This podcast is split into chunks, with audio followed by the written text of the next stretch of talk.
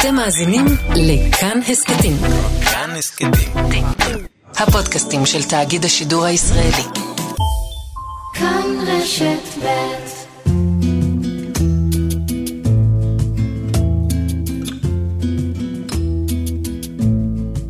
מסתבר שמספיק חבר אחד טוב ומשמעותי כדי להיות ממתן לאירועי לחץ וכדי להרגיש תחושה טובה, תחושה של שייכות ותמיכה.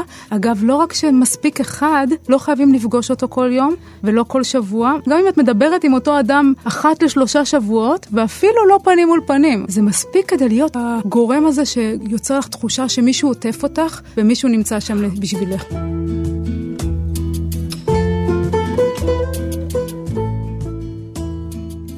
שלום פרופסור ענת שושני. שלום. המנהלת האקדמית של מרכז מיטיב לפסיכולוגיה חיובית במרכז הבינתחומי הרצליה. וכל הטייטל החשוב הזה בעצם אומר למה התכנסנו, כי חשבנו שזה יהיה רעיון טוב עם פרוס השנה החדשה, לתת כלים טובים יותר לחיים בכלל ולימים אלו אולי בפרט, ונעשה את זה בעזרתך. אבל בשביל זה תצטרכי קודם להסביר לנו מה זה פסיכולוגיה חיובית. אוקיי. Okay. אז דבר ראשון זה דבר שחשוב uh, לכל יום, ולא רק לשנה החדשה, זה משהו, זה, זאת צידה טובה לדרך uh, לאנשים להבין קצת בפסיכולוגיה חיובית. את יודעת, אני למדתי פסיכולוגיה, תואר ראשון ותואר שני, והמשכתי הלאה, ולמדתי על uh, סימפטומים ועל דיכאון וחרדה, ולטפל באנשים ובבעיות. Uh, כשלא למדתי פסיכולוגיה חיובית באקדמיה, ולא בבית ספר, ולא בצבא, אף אחד לא הזכיר את הדבר הזה כשאני למדתי פסיכולוגיה. פסיכולוגיה חיובית היא בעצם תחום חדש בעולם הפסיכולוגיה. כמה שנים?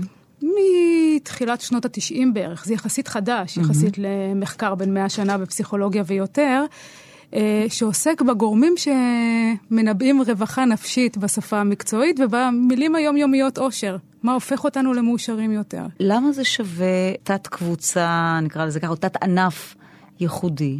למה עד שנות התשעים אפשר היה בלי? ובשנות ה-90 הבינו שצריך משהו ייחודי. אני חושבת שפשוט חשבו שזה מספיק לצאת מחדר הטיפולים בלי סימפטומים.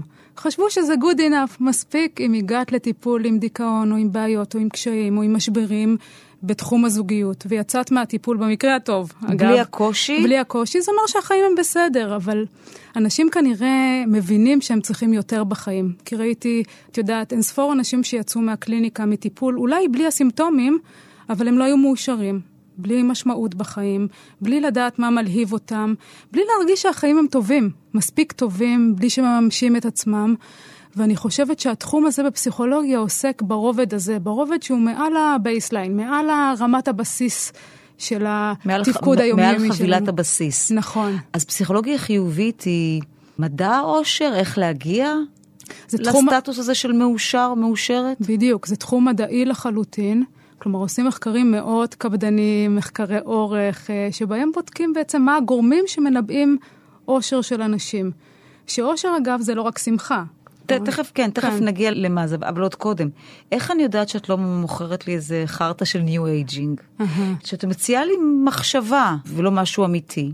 את יודעת, את השאלה הזאת לא תמיד שואלים בהקשר, בהקשרים מעניין של דיכאון וחרדה, איך לא מוכרים לנו פה. שמעתי אותה לא מעט בהקשר שלו, שיש סקפטיות, כי באמת יש הרבה כתיבה בתחום הניו אייג'. כי כשאני בדאון אני יודעת לזהות שאני ב down. אבל איך אני יודעת לזהות שאני א' צריכה משהו שהוא הרבה יותר מחבילת הבסיס, וכשאני שם, איך אני יודעת לזהות את זה? תראי, א', כשאת ב high, את יודעת שאת ב high.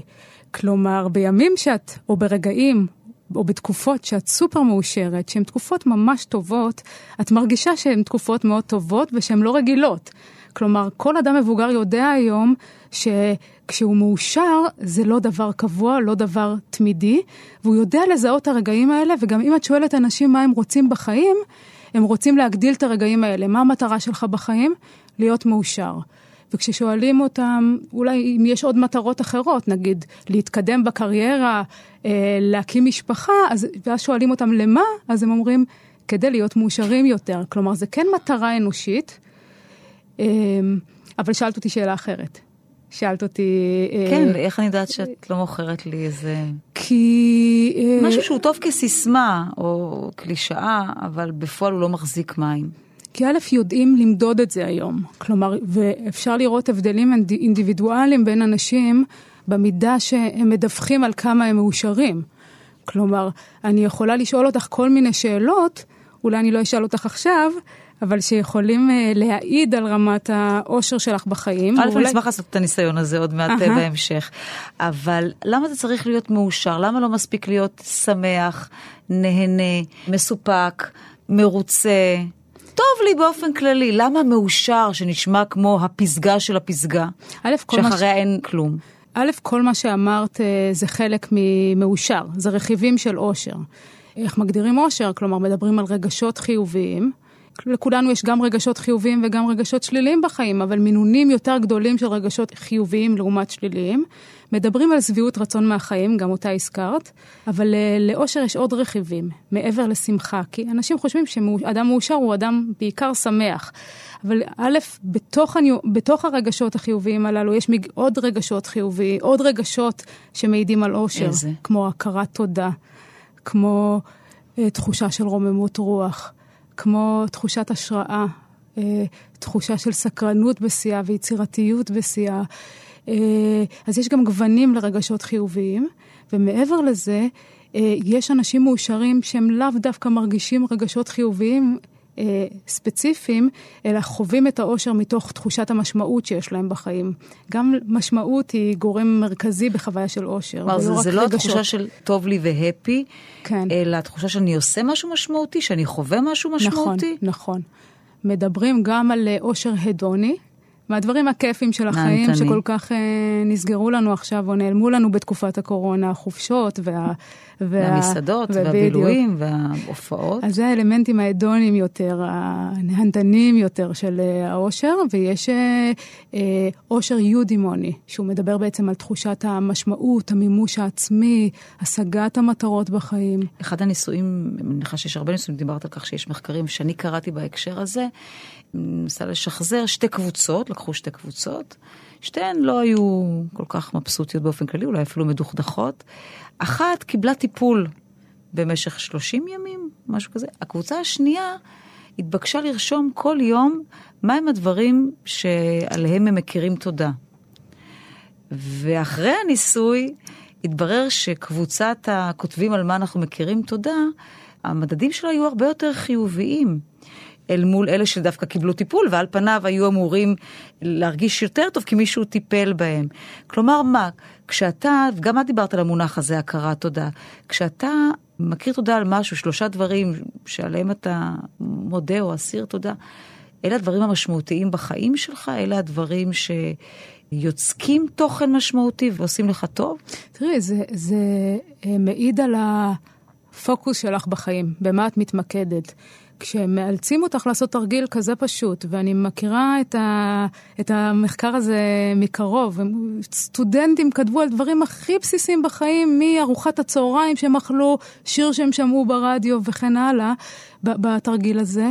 פתאום הפוקוס היה לא על טרדות החיים ולא על המבחנים ולא על הדאגות, אלא על הדברים הטובים שקרו לי היום.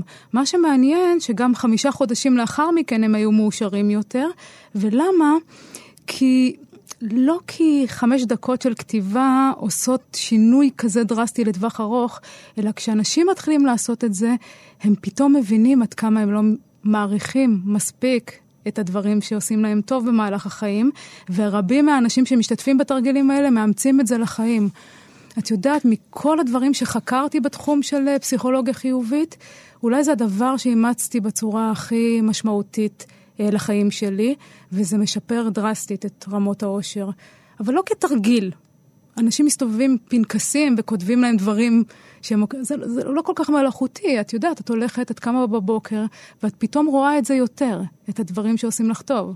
אבל זה כרוך במאמץ, את נכון, אומרת. נכון, לגמרי. אבל זה נכון, וגם פה כמובן תקני אותי אם אני טועה, שבחיתוך של האוכלוסייה, כדי להבין מי יכול להגיע לשם, על מנת לנבא מי יכול להגיע לפוזיציה הזו של המאושר, אז 50 אחוז זה גנטיקה, 40 אחוז זה הגישה שלך לחיים, זה גם אולי סוג של גנטיקה, לא? כאילו, ממש יש לך בחבילה הזו, ו-10 אחוז זה החיים עצמם. אז מצד אחד אני אומרת, וואלה, 50 אחוז זה עליי, אני יכולה לעבוד במה שעכשיו תיארת, אבל 50 אחוז זה בילט אין. מה אני יכולה לעשות עם זה? תראי, זה מעט מאוד, 50 אחוז בילטין. כלומר, כן, יש הבדלים אינדיבידואליים ברמות העושר שהן אה, מולדות, שהן מולדות, יודעים את זה, כמו שיש הבדלים אינדיבידואליים בנטייה לדיכאון או לחרדה. אבל כשאת חושבת... שאפילו היום יודעים שזה 60 אחוז מהסיפור, 40 אחוז גנטיקה okay. אוקיי. ו-60 אחוז בידינו, אה, ש-60 אחוז מהסיפור הוא בשליטתנו, כלומר, זה מרבית החיים. זה הבחירות היומיומיות שלך. אני מסכימה שכנראה הרבה מאיתנו, הרבה ממה שאנחנו, כולל הבחירות שלנו, אה, מושפעות מתהליכים כימיים, אבל אה, בסופו של דבר יש לנו הרבה מקום לבחור. ואנשים עושים שינויים דרסטיים בבחירות האלו, כלומר, אנשים שהופכים להיות יותר מודעים, בוחרים יותר אה, פעולות שמניבות יותר אושר. אחת הבעיות, אגב, עם זה, היא שיש לנו נטייה גם לחזור לרמות האושר הבסיסיות שלנו. כלומר, נגיד אם אדם שנוטה יותר אה, לעצב או לדיכאון, אז גם אם תעשי שינויים, הרבה פעמים יש דבר שנקרא כמו הליכון הדוני כזה, שאת עושה דברים כדי להגביר את רמות העושר שלך, נגיד, את מכירה את זה בטח מהחיים, שנוסעים לחופשה בחו"ל, הולכים לעשות uh, קניות כדי להרגיש יותר טוב. פעולות שאתה עושה כדי כן, לשמח את עצמך. אבל מהר מאוד ליהנות. חוזרים לבייסליין. ולכן, אמרת לי מקודם, זה דורש מאמץ. Uh, כדי להיות מאושרים זה דורש באמת מאמץ, מאמץ יומיומי. אחרת אנחנו חוזרים לטבע של עצמנו, חוזרים לרמות הרגילות. זה צריך קודם לחוות משהו קשה, סוג של כאב או שגרה מייגעת, כדי להבין שאתה צריך לעשות דברים אחרים על מנת להגיע משהו שהוא 180 מעלות ממה שאתה נמצא בו עכשיו? אה, יש אנשים שמגיעים לשם מתוך כאב. ויש אנשים שמגיעים לשם מתוך אה, תובנה או מתוך דווקא מצבים טובים בחיים, אבל אני מסכימה איתך שיש אה, שחוויות לא פשוטות או חוויות טראומטיות הרבה פעמים יכולים לעשות תהליכי אה, טרנספורמציה, שינוי מאוד מאוד גדולים אצל אנשים, והם... אה, עוברים חוויה שנקראת צמיחה פוסט-טראומטית. כלומר, הם אומרים, אני לא רוצה... יש יותר סיכוי לצמיחה אחרי פוסט-טראומה מאשר נפילה אם אתה עושה איקס פעולות? אגב, גילו שאפשר גם וגם. כלומר, אחרי טראומה אנשים גם נופלים מאוד חזק, אבל גם... הם, כי זו הטראומה, זו אוקיי. הטראומה, בדיוק. ברור. אה, אבל יחד עם זאת, אה, בערך בשנה או שנתיים לאחר הטראומה אה, רואים תהליכים של שינוי אצל הרבה מאוד אנשים. גם אם לא יעשו כלום? גם ללא טיפול. כלומר, כי האירוע הטראומטי בעצם משנה את תפיסות העולם שלנו, משבש את כל מה שחשבנו עד היום. קרה לנו משהו שלא חשבנו שיקרה לנו, וזה מייצר מצב שבו אנחנו בוחנים את החיים מחדש, בוחנים את מערכות היחסים שלנו, את הדברים בהם האמנו, אה, מה אנחנו רוצים, איך אנחנו רוצים להמשיך את החיים שלנו לאחר מכן, וזה יוצר תהליכי שינוי אצל הרבה מאוד אנשים. הזכרת כבר את עניין הניבוי. Mm-hmm. יש דברים שיכולים לנבא. לגבי ילד והעתיד שלו, לגבי מבוגר והסיכוי שלו לעשות את הטרנספורמציה אה, הזו. וקראתי, אה, תגידי לי אם זה נכון, איך אתה יודע אם טוב לך, יש דברים שהם מבחינת מנבא נמוך. לסיטואציה הזו, שזה מגדר וגיל ומראה ומוצא. יש אה, מנבא בינוני שהוא מספר החברים שיש לך, הנישואין שלך, התרבות שאליה אתה משתייך, ויש מקדם גבוה, והוא יחסים קרובים, שאני מניחה שאלה מה היחסים משמעותיים שיש, מספיק אדם אחד שיהיו לך יחסים קרובים איתו, משמעותיים איתו, זה לא חייבת להיות קבוצה של חברים או טונות של חברים? מסתבר שכן, מסתבר שמספיק אחד, חבר אחד טוב ומשמעותי, כדי להיות ממתן לאירועי לחץ וכדי להרגיש תחושה טובה, תחושה של שייכות ותמיכה. אגב, לא רק שמספיק אחד, לא חייבים לפגוש אותו כל יום, ולא כל שבוע. אבל מה, שיהיה זמין? המחקרים אומרים שגם אם את מדברת עם אותו אדם אחת לשלושה שבועות, ואפילו לא פנים מול פנים, אפילו בטלפון, זה מספיק כדי להרגיש, אם המערכת היחסים היא אינטימית וקרובה, זה מספיק כדי להיות הגורם הזה שיוצר לך תחושה שמישהו עוטף אותך ומישהו נמצא שם בשבילך. הוא צריך להיות מאושר על מנת שזה ידבק גם בי? אה, לא בהכרח. הוא צריך להיות יותר רגוע? הוא צריך להיות יותר שלם עם עצמו? הוא צריך להיות דמות התקשרות משמעותית בשבילך. ומה זה דמות התקשרות משמעותית? זה אדם שיהיה בשבילך חוף מבטחים, שבמצב שאת הולכת לאיבוד ושאת מרגישה שאת אה, בת- לא מוצאת את הדרך, הוא יהיה... בפרפרזה על בטוב וברע, הוא יהיה- הוא יהיה הברע שאני חוזרת אליו? כן, כן. אוקיי. כי אה, דמויות משמעותיות נבחנות, המבחן הגדול שלהם הוא ברע. האפקטיביות שלהם כן. ברע. גם כאימא, אימהות נבחנות בזה, אה, בני זוג נבחנים בזה.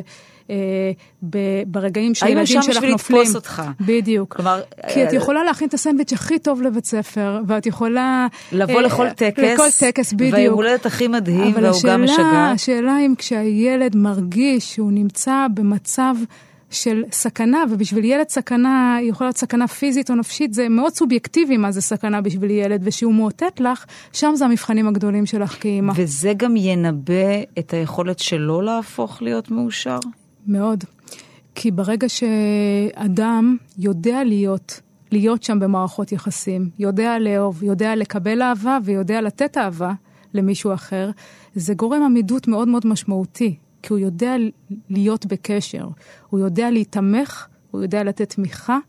ויודעים היום שתמיכה חברתית, תמיכה רגשית, היא אה, גורם העמידות מספר אחד כנראה בכל, בכל אירועי החיים הקשים. הוא יודע לפתח מערכת יחסים.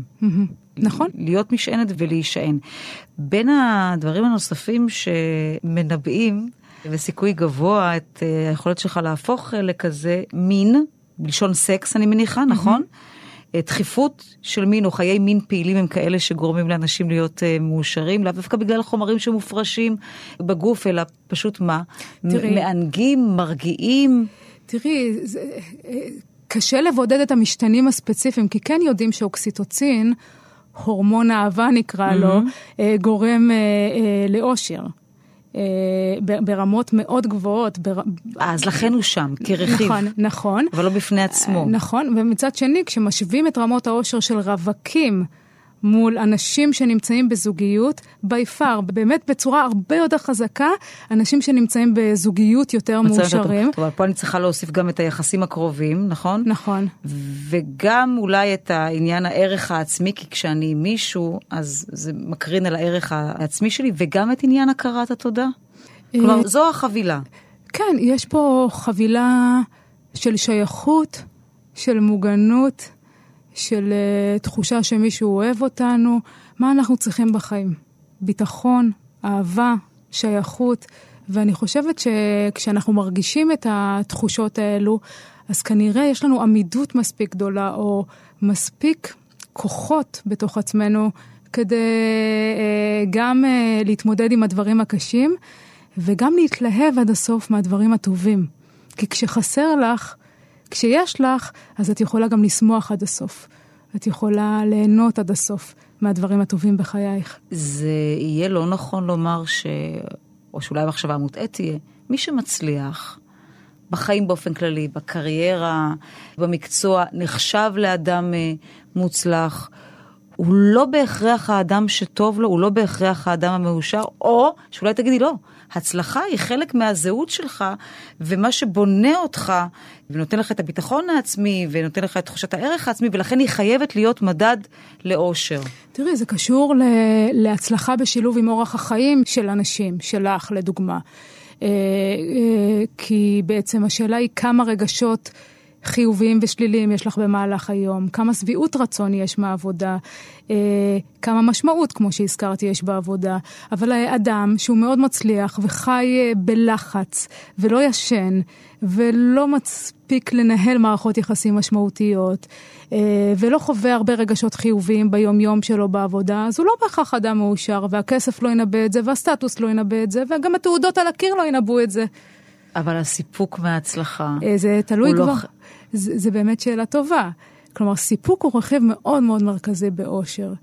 השאלה אם, אה, אם זה רק סיפוק והדברים האחרים חסרים, אם האדם ירגיש שזה מספיק. ויש שונות בינינו, יש אנשים שיגידו מספיק לי, מספיק לי שכתבתי את היעדים האלה, התעודות האלה, המדליות האלו, ואני מאושר עם עצמי, ויש.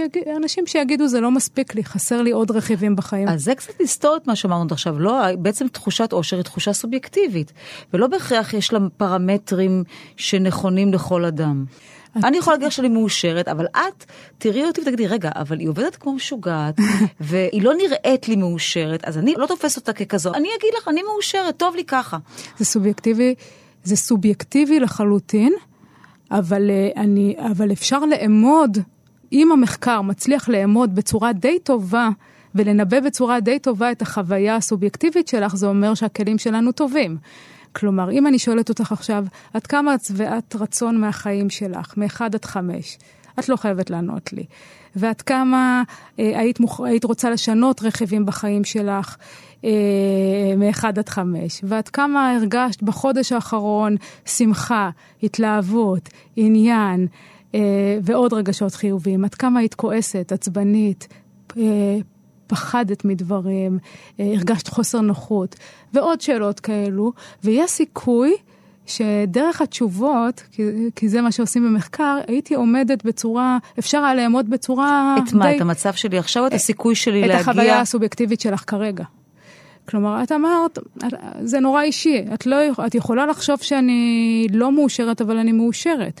ואני אומרת שבכלים מדעיים, אה, יש, לכלים מדעיים יש תוקף, המטרה שלהם לנבא את התחושות שלך. כלים מדעיים מנבאים בצורה די יפה היום בתחום הזה של עושר, גם עושר של פרטים וגם עושר של מדינות. שמאפשרים לך לנתח את המקום שבו אני נמצאת עכשיו, כן.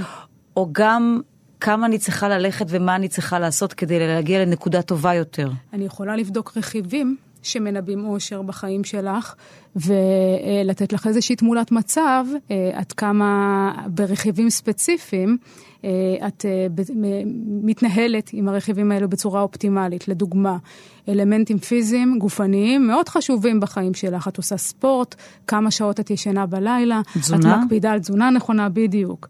כלומר, אז אני יכולה לומר לך, את יודעת, ברכיב הגופני, את צריכה לעשות עבודה או לא צריכה לעשות עבודה.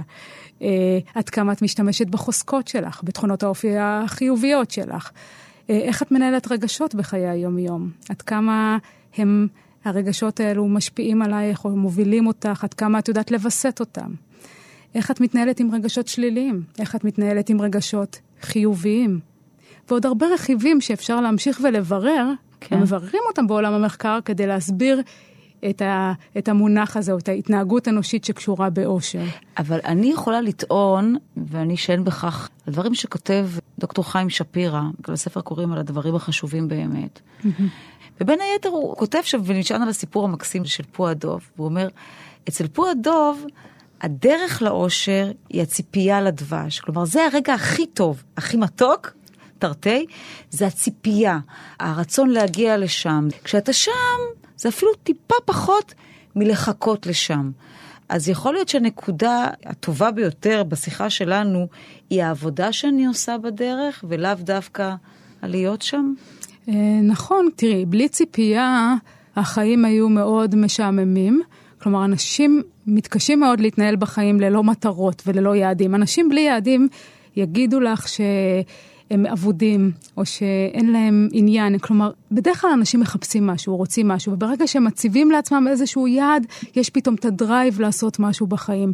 והמון אנשים יספרו לך שהם הגיעו ליעד הזה אחרי שנים ארוכות של עבודה קשה, והרגע הזה שבו הם uh, השיגו את המדליה האולימפית, או... לא כמו שדמיינו? Uh, הם, הוא לא, הוא כמו שהם דמיינו, הוא היה רגע של אושר, אבל רגע של אושר מאוד מאוד קצר. אה, כשהדרך הרבה פעמים מניבה לנו הרבה מאוד חוויות משמעותיות של, את יודעת, יש אתגרים ויש תסכולים ולפעמים נכשלים ופתאום מתקדמים, וההתקדמות הזאת זה חוויות הצלחה קטנות כאלו בדרך. ואז כשאת מגיעה להישג הזה, אוקיי, בסדר, שמחתי, שעה, שעתיים, כמה זמן מחזיקה שמחה?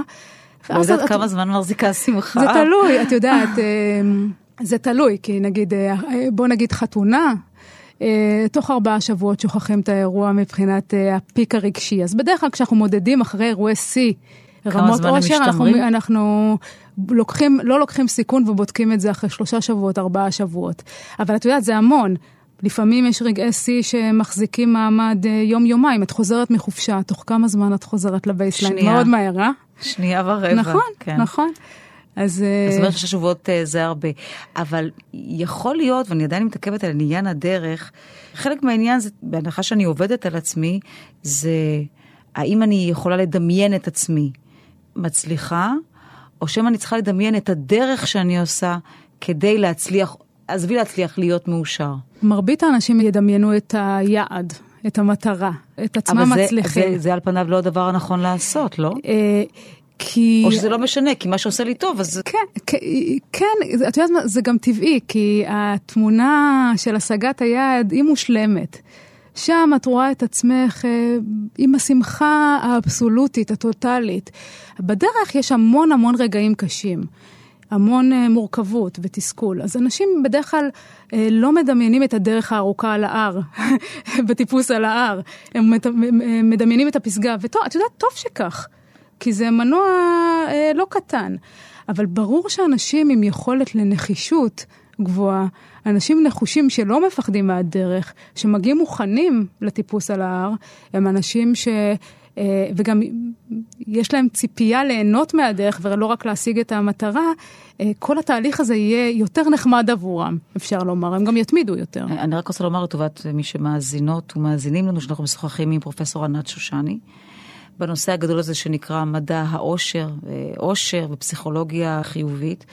כשאנחנו מדברות עכשיו על הדרך, אז אני תוהה, האם יש שלבים קבועים, מסלול שצריך לעשות, ואת יכולה לומר, תעשי אחת, שתיים, עוד, לפני מה תעשי.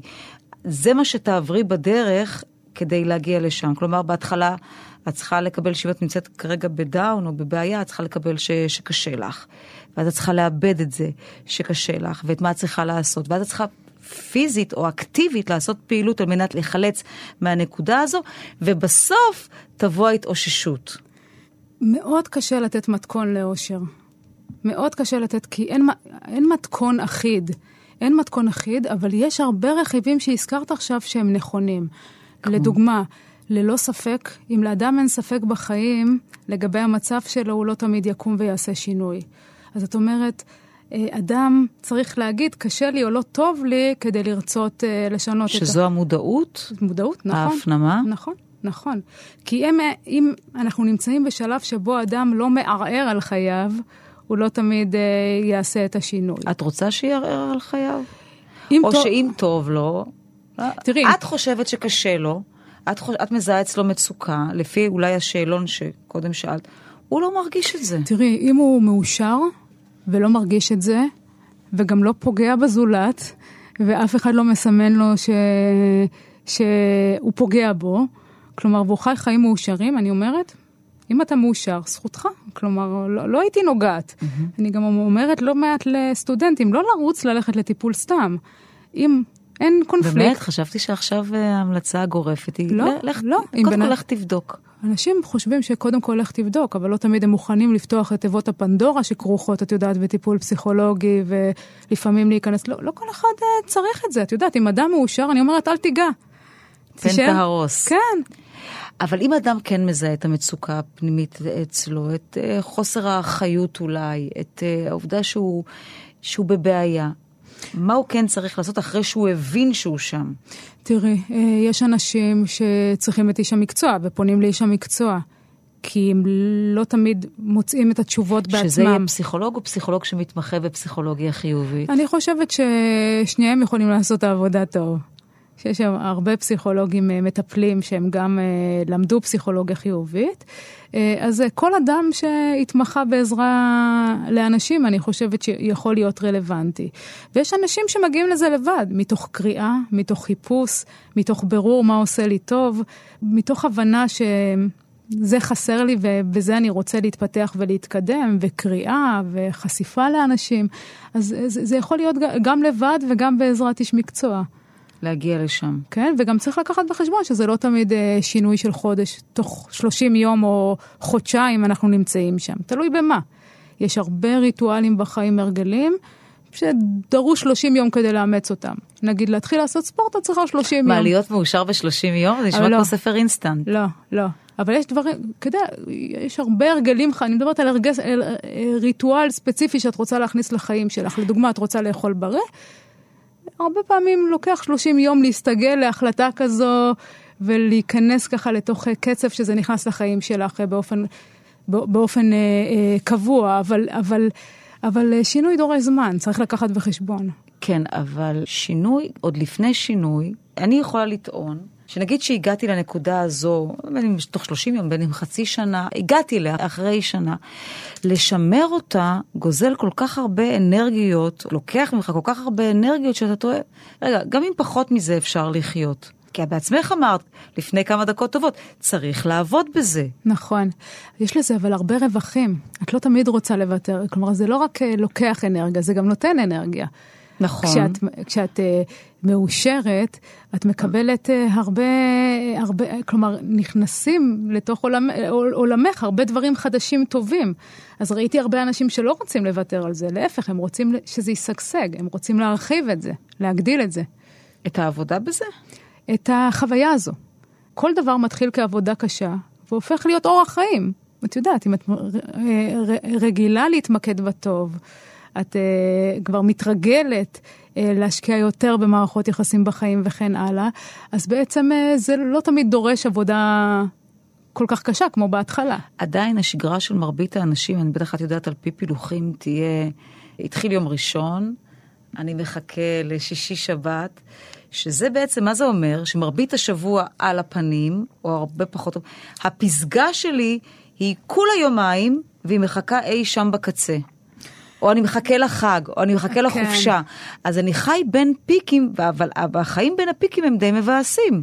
אה, הפיקים האלה הם אפילו לא ברמה שבועית, הם ברמה יומיומית. כשבדקו נגיד אה, את אה, רמות הרגשות החיוביים והשליליים של נשים, mm-hmm.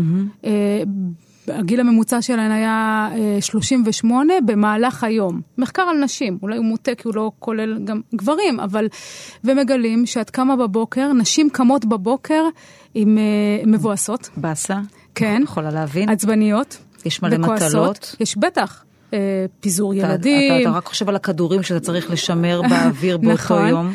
אה, אה, רמת הרגשות החיוביים עולה בשעות הבוקר עד הצהריים, שתיים בערך, ואז רואים ירידה דרסטית ועלייה דרסטית ברגשות שליליים עד הערב. בערב... כי תכף הם הולכים לישון. נכון. או מסתיימת העבודה, או המטלות. עכשיו ניסו להבין למה, וגילו שבעצם בשעה שהם אה, השעה הכי קשה ביום היא השעה שהם מסיעים ילדים לחוגים. נכון. אוספים אותם מבית ספר ומסיעים לחוגים, הרי כולנו הוגי טקסי כאלה. נוסעים ומסיעים. וכשהם הולכים לישון בערך, אז באמת אה, המצב משתפר. אז תגידי, אוקיי, ילדים זה לא מקור מספיק טוב לאושר, כי זה מה שהמחקר הזה אומר. שעדיף לך בלי ילדים לפי אה, זה, כן. לפי זה, אבל מצד שני, כשאת חושבת שאושר הוא גם משמעות, אז מרבית האנשים יעדיפו... אז זה הדבר המשמעותי י, שעשיתי. י, י, יעדיפו עם מאשר uh, יעדיפו מאשר את זה. מאשר בלי ילדים. בוא נתמקד טיפה בילדים. את יכולה היום לראות ילד או ילדה, תגדילי את באיזה גיל, ולהגיד, אני מעריכה שהוא כילד יכול לייצר מתוכו הרבה רגעי אושר, הוא ילד שיש לו תחושה של ערך עצמי גבוה, הוא ילד בטוח בעצמו, הוא גם מאושר רוב הזמן, וכשהוא יהיה גדול, כשהוא יהיה אדם בוגר הוא גם יהיה כזה? תראי, אנחנו נותנים לילדים את היסודות. את היסודות האישיותיים שלהם כדי לצאת קודם כל, לעולם. קודם כל דפקנו אותו, סליחה, במרכאות שלו במרכאות עם 50 אחוז גנטיקה או 40 אחוז גנטיקה שהורשנו לו בתחום הזה. אה, נכון, נכון, אבל את יודעת, הפוטנציאל הגנטי לטוב ולרע, גם הוא לא מתממש עד אה, תומו. כלומר, אה, זה תלוי מאוד בדברים שאנשים עושים בחיים. יכול להיות ילד עם פוטנציאל גנטי להיות מוזיקאי מחונן, והילד לא נגע בכלי נגינה כל חייו, אז הפוטנציאל הגנטי הזה לא יתממש. אז גם כאן כל הסיפור של גנטיקה הוא מורכב, גם יש היום דבר שנקרא אפי גנטיקה, שבו בחירות שזה? בחיים אה, בעצם... כל מיני בחירות שאנחנו עושים בחיים משפיעות על רמת הערעור או העיכוב של גנים. איזה גנים יבואו לידי ביטוי. מה יופעל? מה, מה יופעל. Okay. אוקיי. מי ידליק את השלטר ואיזה שלטר אה, יחווה. בדיוק. Mm-hmm. אז, אה, אז יש הרבה מקום היום, כבר מבינים שהדינמיקה בין סביבה לתורשה היא הרבה יותר מורכבת ממה שחשבו. אבל אני מעדיפה לגדל את ילדיי ולהתייחס לילדים כאילו הכל סביבה. יכול להיות שאני אטעה, אבל אני רואה כמה משקל יש לסביבה. אז את נותנת המון המון משקל להשפעה שלך ולסובב. אני רוצה ילד מאושר. את רוצה ילד אני מאושר. רוצה ילד מאושר. אז תראי, דבר ראשון, אני חושבת שזה לא, לא רק ציונים במתמטיקה והלימודים בבית ספר, שהיום בעצם ממוקדים בהישגים. את שואלת אותי מה זה ילד מאושר? ילד שיוצא ממערכת החינוך בגיל 18, והוא אוהב את עצמו, אוהב אנשים אחרים, מרגיש מסוגל. לא משנה איזה אתגר יגיע, מרגיש מסוגל להתמודד עם כל אתגר ועם תקווה לעתיד. למה מערכת החינוך ואיך הוא יוצא ממנה היא הפרמטר? זה לא איך הוא יוצא ממנה. ולא איך הוא מתנהל ביום-יום, בלי קשר למה הוא לומד או כמה הוא לומד או האם זה מעניין אותו. ואני רואה שטוב לו. זה לא רק איך הוא יוצא ממערכת החינוך, זה איך הוא יוצא מכל המערכות, מכל הסביבות בהן הוא גדל אל תוך עולם המבוגרים. כי אנחנו אה, עם הרבה מאוד ידע על איך, אה, אנחנו חושבים שאנחנו יודעים איך לגדל ילדים טוב, לתת להם את החוגים האלו, לרשום אותם לבתי ספר הכי טובים, ללמד אותם להיות בני אדם טובים, נכון. אבל מה שאת אומרת כן. עכשיו, להיות בן אדם טוב זה, זה דבר מאוד חשוב, כן. וזה כן. בעיניי אגב דבר שווה להשקיע בו, כי זה מרים את הילד ומעצים אותו. אבל ילד מוצלח, מה שאת אומרת בעצם, ילד מוצלח בפרמטרים של הישגיות, מתמטיקה, הצלחה בלימודים, שחמט, חוג נגינה. הוא לא נכון כמו אצל אותו מבוגר, שזה שנמצא בפסגה לא בהכרח נכון, מאושר. נכון, כי בעצם עוד פעם אנחנו מדברים על uh, uh, הכלים האישיותיים שהילד מגיע איתם uh, לעולם. עד כמה הוא אוהב, עד כמה הוא מסוגל, עד כמה הוא לא פוחד מאתגרים, וזה לא תמיד uh, uh, נרכש או מיוצג טוב בהיבטים הפורמליים של, את יודעת, אה, הצלחה בלימודים. השאלה עד כמה את כאימא מלמדת את הילד להיות אמפתי ולהביע רגשות. וכשמישהו נופל אה, במגרש משחקים, עד כמה את מלמדת אותו לגשת ולהושיט עזרה. אה, עד כמה הילד מאמין לך שהוא טוב ומאמין לעצמו. עד כמה הילד לא מפחד לנסות. וגם כשקשה לו, לא, מפ... לא, לא, לטעות. לא מפחד לטעות, וגם לא עוזב. כן, כן, וגם לא עוזב באמצע.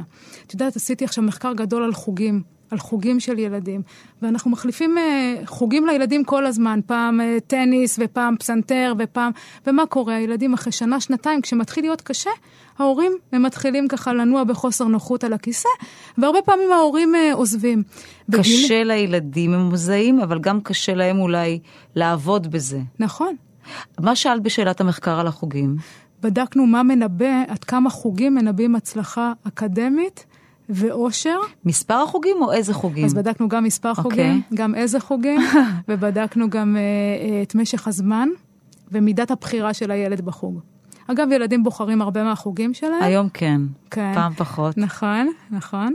בדורנו, אני חושבת, כן. פחות, אם גם היו פחות. את תרקדי בלט, את, את תנגן כן, על כינור. נכון. כן.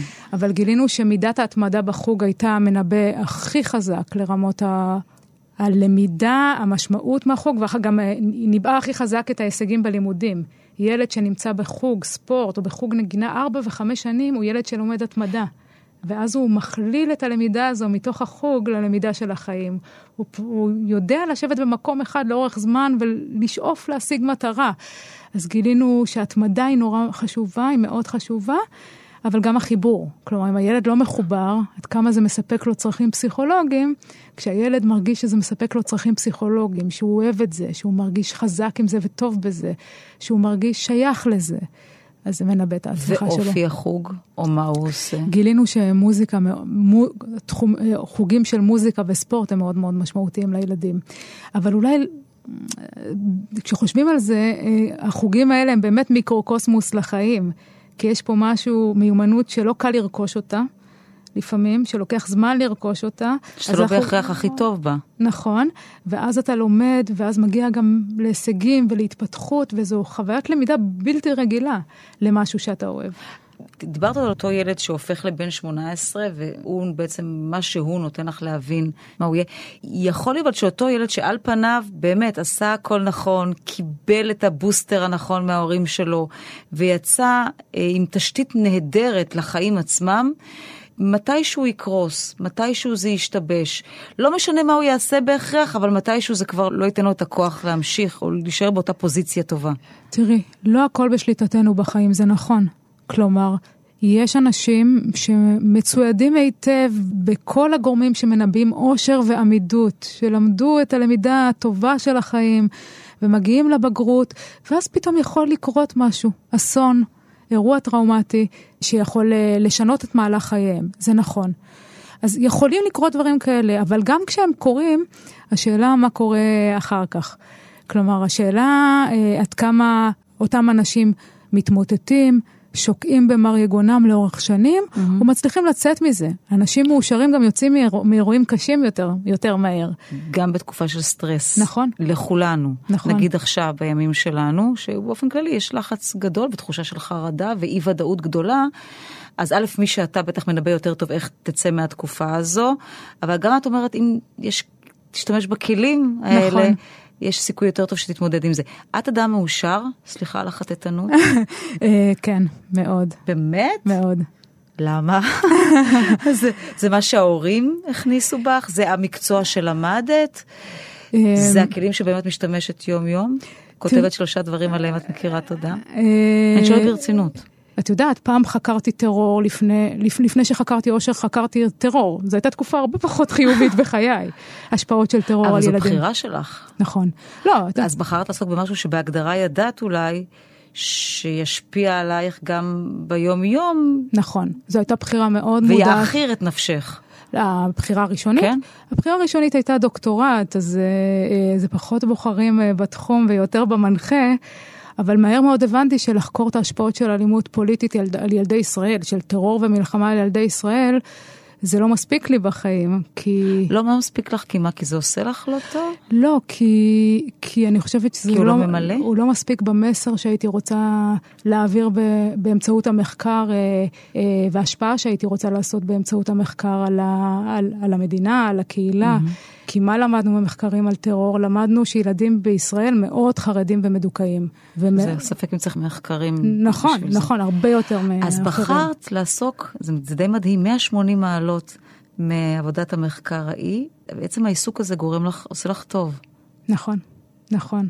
כלומר, בחרתי לעצב את, אה, את חיי היומיום שלי בעבודה, כמו שהצבתי באיזה שירה, בדברים האלו שיש לנו שליטה עליהם, עם מי לחיות, ואיך ייראה הבית, והדלת אמותיי, איך הן תיראינה. אז אז הרבה בחירה. נכון. באופן יחסית שהבחירה שלכם, אם אפשר לבחור, תעשו את הבחירה הזו, כי זה משתלם. פרופסור ענת שושני, נגמר לנו הזמן, לא תאמיני. וואו, כן. זה מהר. היה מעניין בטוח, אני מקווה שגם מועיל למאזינות ולמאזינים שלנו, ואני מאוד מודה לך. תודה. ואני רוצה לומר תודה לעורכת שלנו אלה יגנה ולטכנאים אמיר שמואלי וראובן מן, ותודה לכם שהייתם איתנו. תודה רבה.